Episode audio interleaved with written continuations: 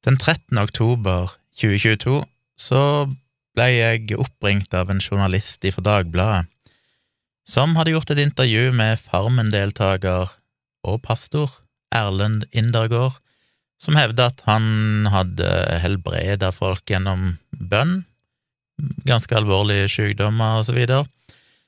Og han journalisten ønska en kritisk eller skeptisk stemme som kunne være litt sånn motpart i denne teksten. Så han sendte meg et utdrag i intervjuet med Indergård og lurte på om jeg kunne bare kommentere det på mail. Og det gjorde jeg, men det jeg skrev ble såpass langt, jeg kunne ikke bare gi noen korte forklaringer, for dette krever ganske mye Ja, det er det kjente, kjente sitatet med at det krever ti ganger mer energi å tilbakevise bullshit enn å produsere bullshit. Så det er lett å komme med påstander om religiøs healing, men for å tilbakevise de, så er det egentlig ganske mye du må innom og forklare, både hvordan eh, menneskets hjerne fungerer, hvordan vi ser falske mønster, hvordan vi rent psykologisk lar oss overbevise, hvordan vi er dårlige til å vurdere ting statistisk, placeboeffekt, noceboeffekt, psykosomatisk stress eller sykdom.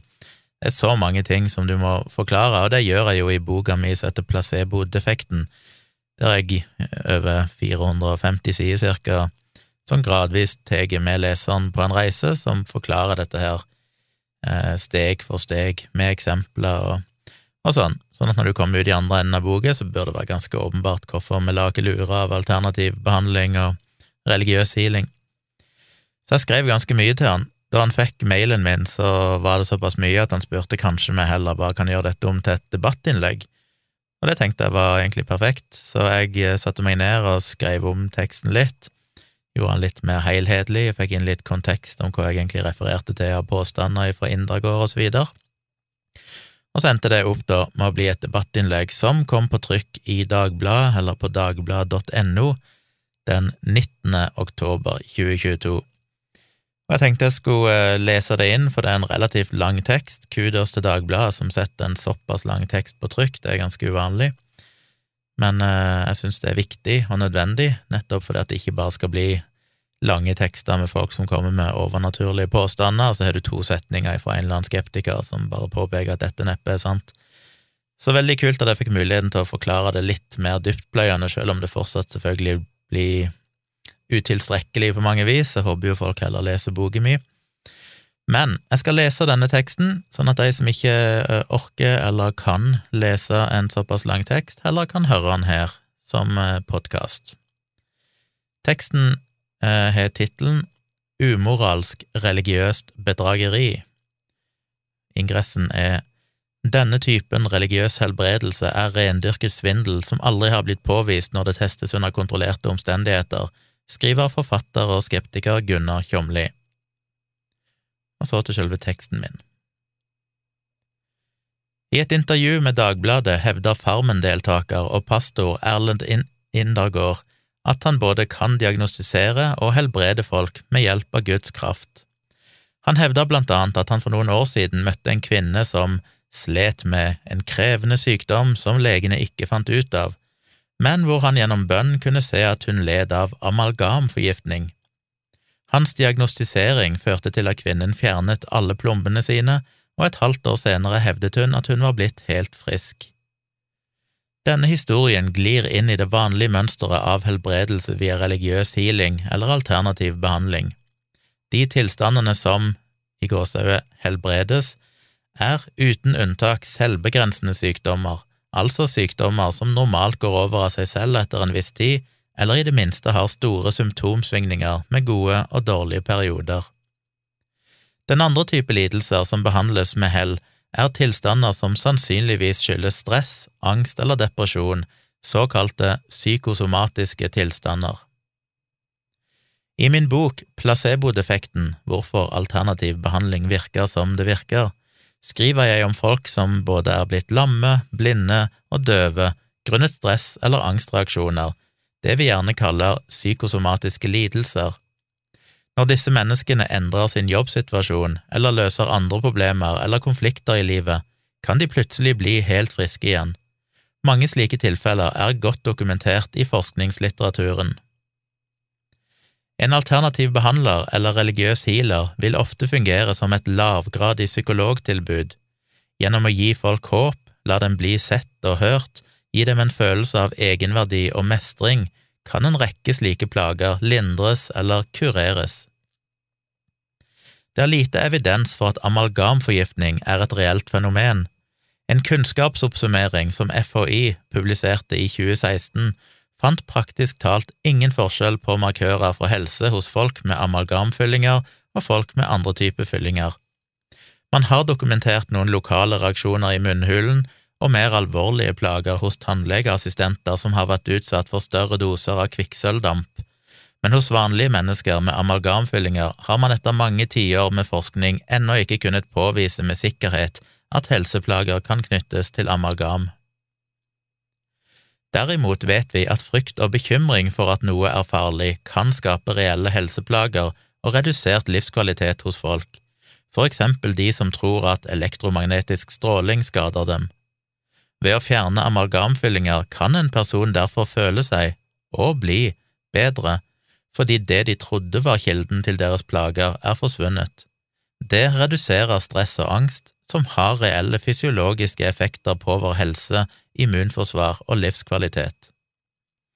Det sier likevel ingenting om det faktisk var amalgam som skapte helseplagen i utgangspunktet, og ettersom de fleste voksne mennesker har amalgamfyllinger, vil det å gi en slik falsk diagnose til noen som søker et svar, garantere nesten 100% treffsikkerhet. Indergård forteller videre at han møtte en gammel lærer på et kirkemøte, og da han tok henne i hånden, pep det i øret. Han ba derfor for hennes øresus, som hun bekreftet at hun hadde, og hun ble også kvitt denne. Problemet med slike historier er at de bare er uverifiserbare anekdoter, vi vet ikke om kvinnen faktisk hadde tinnitus, vi vet heller ikke i hvilken grad hun ble kvitt dette. Øresus er svært utbredt hos spesielt eldre mennesker som plages med mye ørevoks. En norsk studie fant at hele 60% av eldre på sykehjem hadde tette øreganger på grunn av ørevoks, og det gir som regel øresus. Spør du derfor alle gamle mennesker du møter om de har øresus, vil du oftere få et ja enn et nei. En slik synsk diagnostisering er derfor intet mirakel. Det er et av hovedproblemene med slike anekdoter. Vi blir bare fortalt om spådomstreffene, ikke bommertene, og dermed kan vi ikke vite om den synske har stor treffsikkerhet eller ikke, uten kontrollerte forsøk. Snåsamannen hevdet i en samtale med biskop Tor Singsås i Nidarosdomen i 2009 å ha gitt en blind jente synet tilbake. Det stemte selvsagt ikke. Jenta var aldri blind, men hadde øyesykdommen Stargardt-sykdom, som reduserer synsevnen. Det finnes historier om folk som hevder å ha blitt bedre fra denne sykdommen med alternativ behandling, men det som i realiteten skjer, er at de lærer seg å bruke synet på andre måter slik at det oppleves bedre. Det samme gjelder for tinnitus, hvis hans gamle lærer faktisk hadde det, og ikke bare litt ekstra ørevoks som senere løsnet. Det finnes ingen kur for tinnitus, men pasienter kan lære seg mestringsteknikker for å redusere plagene. Man blir ikke egentlig friskere, men blir bedre til å mestre symptomene. Da kan det føles som om man, man er blitt helbredet, selv om tinnitusen er like tilstedeværende som før. I tillegg påvirkes tinnitus betydelig av placeboeffekten, en studie fant at hele 40% av pasienter med alvorlig tinnitus opplevde nytte av placebobehandling, så hvis man tror på guddommelig helbredelse, kan man faktisk oppleve det som om man, man har blitt litt bedre etter bønn. Man har ikke mindre øresus, men man opplever mindre øresus fordi holdningen til symptomene har endret seg gjennom tro. Det kan være nyttig, men er intet mirakel. Det samme gjelder eksempelvis kiropraktikk, som for de fleste tilstander ikke har noen beviselig langvarig effekt. Mye av problemet ved skader i muskler og ledd er at man egentlig får en slags hjerneskade, det vil si at hjernen lærer seg å assosiere ulike bevegelser med smerte. Dermed kan man oppleve smerte lenge etter at skaden har helet seg selv. Det en kiropraktor ofte gjør, er å manipulere psyken heller enn leddene, de avlærer pasientens frykt for enkelte bevegelser og lærer hjernen at smerten er borte slik at pasienten kan bevege seg normalt igjen. Det kan nesten føles mirakuløst, men det er fordi vår hjerne er et biologisk mirakel. Jeg hadde selv en kollega som slet med carpal tunnel-syndrom, og måtte til slutt operere hånden for å bli kvitt smertene. Etter operasjonen fikk han streng beskjed av legen om å dunke tommelen i bordflaten 500 ganger om dagen. Hensikten med det var å trene hjernen, som over lang tid hadde lært seg å assosiere denne fingerbevegelsen med smerte, til å ikke lenger gjøre det. Operasjonen hadde altså fikset nervene som var i klem, men uten å samtidig trene hjernen til å ikke lenger føle fiktiv smerte, ville han ikke nødvendigvis følt seg bedre med det første. For noen år siden var Indergård på en reise til India, og der ble han invitert hjem til en familie som ønsket hans hjelp etter å ha hørt historier om andre mirakler som hadde skjedd der disse kristne healerne hadde bedt for folk. De var altså prekondisjonerte gjennom store forventninger til å oppleve en sterk placeboeffekt. Inne i huset forteller Indergård at han følte at blant de rundt ti personene i huset var det noen som slet med å puste, og noen som hadde vondt i ryggen. Det viste seg at faren hadde astma, og en ung jente hadde ryggsmerter. Begge ble visstnok helbredet gjennom bønn. Men igjen har vi all grunn til å være skeptiske, både til at diagnostiseringen var imponerende, og at disse menneskene faktisk ble helbredet. Hver gang jeg har gått inn og gransket denne type helbredelser og mirakler, finner jeg at historiene ikke er gjengitt korrekt. Da Snåsamannen hevdet at en jente var blind, så var hun ikke egentlig det. Da noen påståtte klarsynte hevdet å ha funnet forsvunne hunder gjennom telepatisk dyretolkning, så viser det seg ved nærmere undersøkelser at de egentlige historiene var helt annerledes. Da Michael Winger hevdet å ha funnet en savnet død person gjennom sin klarsynthet, viste det seg at historien var rent oppspinn. Da jeg ringte en eldre mann med kreft i urinblæren som sa han var blitt helbredet av Svein Magne Pedersens bønnetelefon, så viste det seg at han også hadde fått konvensjonell kirurgi og cellegiftbehandling. Det ville han egentlig ikke snakke om, fordi for ham ga det mer mening at Gud hadde helbredet ham, og forresten hadde kreften kommet tilbake senere, men han priset likevel Gud og Pedersen. Halleluja! Det er svært vanlig at folk som hevder å ha blitt mirakuløst helbredet, faktisk har fått konvensjonell medisinsk behandling også, behandling som mest sannsynlig har gjort dem friske, men hvis man samtidig har tatt valget om å gå mot strømmen og betale en healer for hjelp, så vil man gjerne føle at det var det ukonvensjonelle, modige og kontrære valget som egentlig virket. Det gir størst mestringsfølelse. Viktigst av alt så er hukommelsen vår svært upålitelig. Hver gang vi henter frem et minne, så tilpasses det et narrativ som gir oss mening. Tidligere helseminister Bjarne Håkon Hansen hevdet at Snåsamannen helbredet hans sønn for kolikk i løpet av to telefonsamtaler, og det skjedde på bare et kvarter. Men vi vet fra flere studier at vi husker hendelser som nærmere hverandre i tid hvis vi tror de har en årsakssammenheng. Spedbarnskolikk går alltid over i løpet av noen måneder. Det er derfor sannsynlig at Hansens sønn uansett ville blitt kvitt plagene i løpet av dager eller uker, fordi folk oppsøker gjerne hjelp utenfor det tradisjonelle helsevesenet når ting er på sitt verste og man har forsøkt alt annet. Da er det sannsynlig at man vil se en bedring etter en viss tid, uansett hva man gjør. Denne effekten kalles regresjon mot gjennomsnittet, eller på godt norsk, når ting er på sitt verste, kan det bare bli bedre. Det meste av såkalte placeboeffekter er egentlig bare regresjon mot gjennomsnittet. Det gjelder også den Paraceten du tar mot hodepine. Du venter kanskje til hodepinen har blitt ganske sterk før du tar medisin, og en time senere er smertene borte. Men var det Paraceten som hjalp, eller bare regresjon mot gjennomsnittet? Heldigvis vet vi gjennom gode, kontrollerte studier at Paracet faktisk virker, men det betyr ikke at du kan vite det var medisinen som hjalp deg i hvert enkelt tilfelle.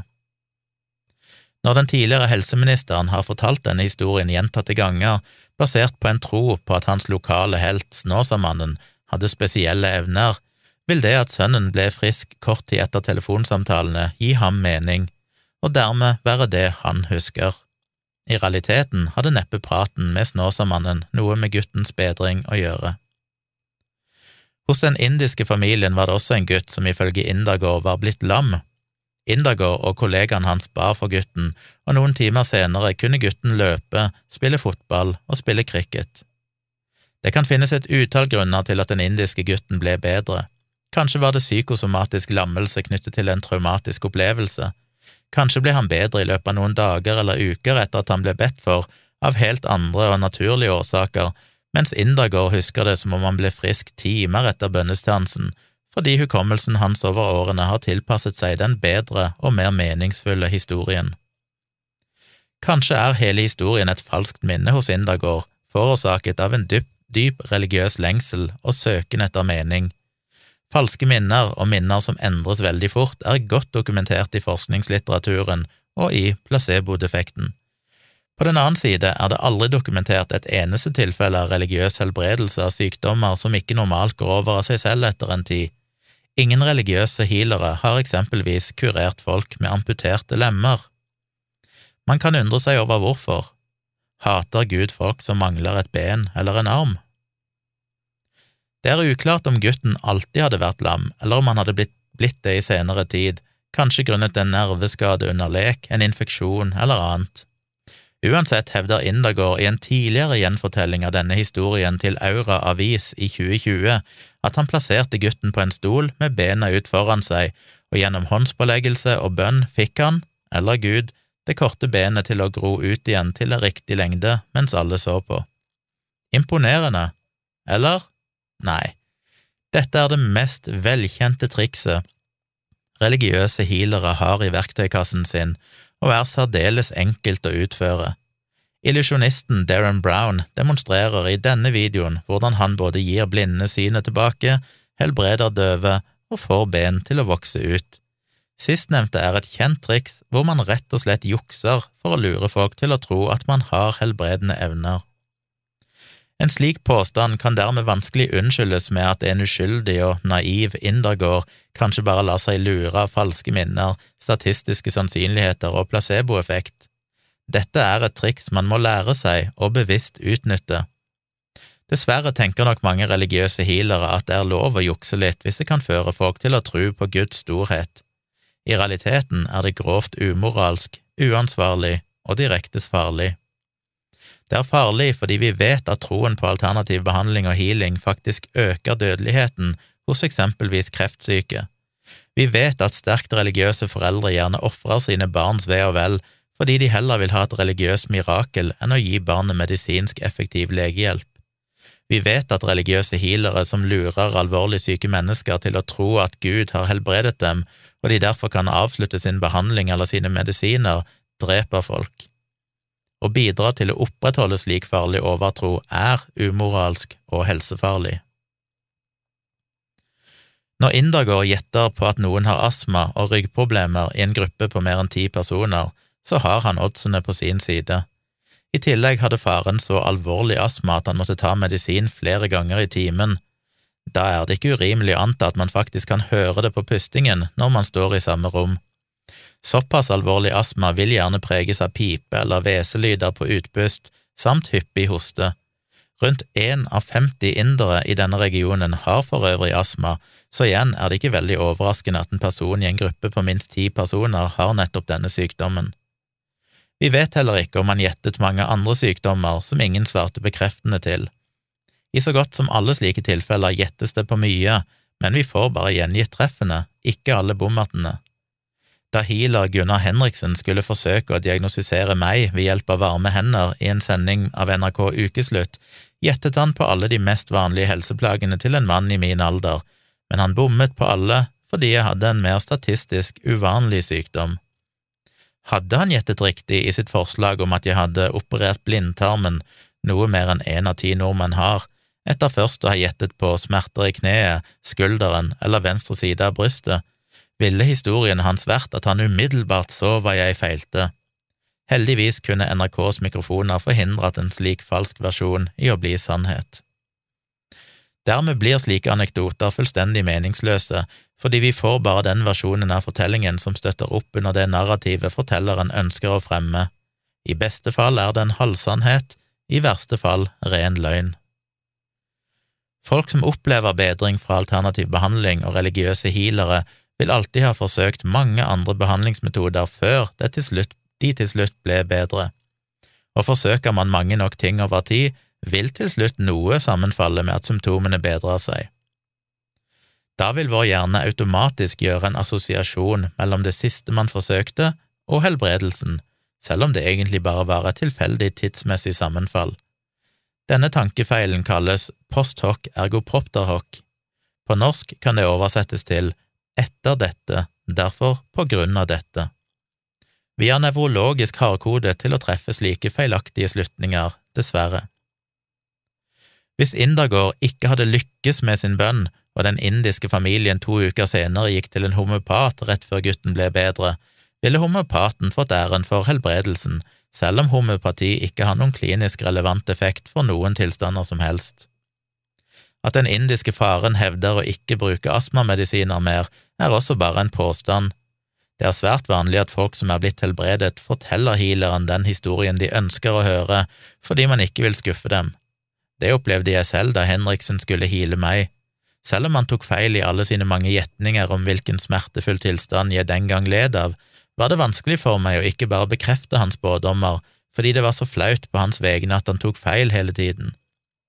Et menneske med normal empati vil instinktivt ønske å gjøre andre glade, ikke drite dem ut, og da ender man opp med å please healeren. Vi vet også at placebobehandling kan gi inntrykk av å påvirke astma. En studie utført på astmapasienter sammenlignet astmamedisinen albuterol med både placebo, falsk akupunktur og ingen intervensjon. De som fikk falsk behandling, følte seg like mye bedre etter behandlingen som de som fikk effektiv medisin.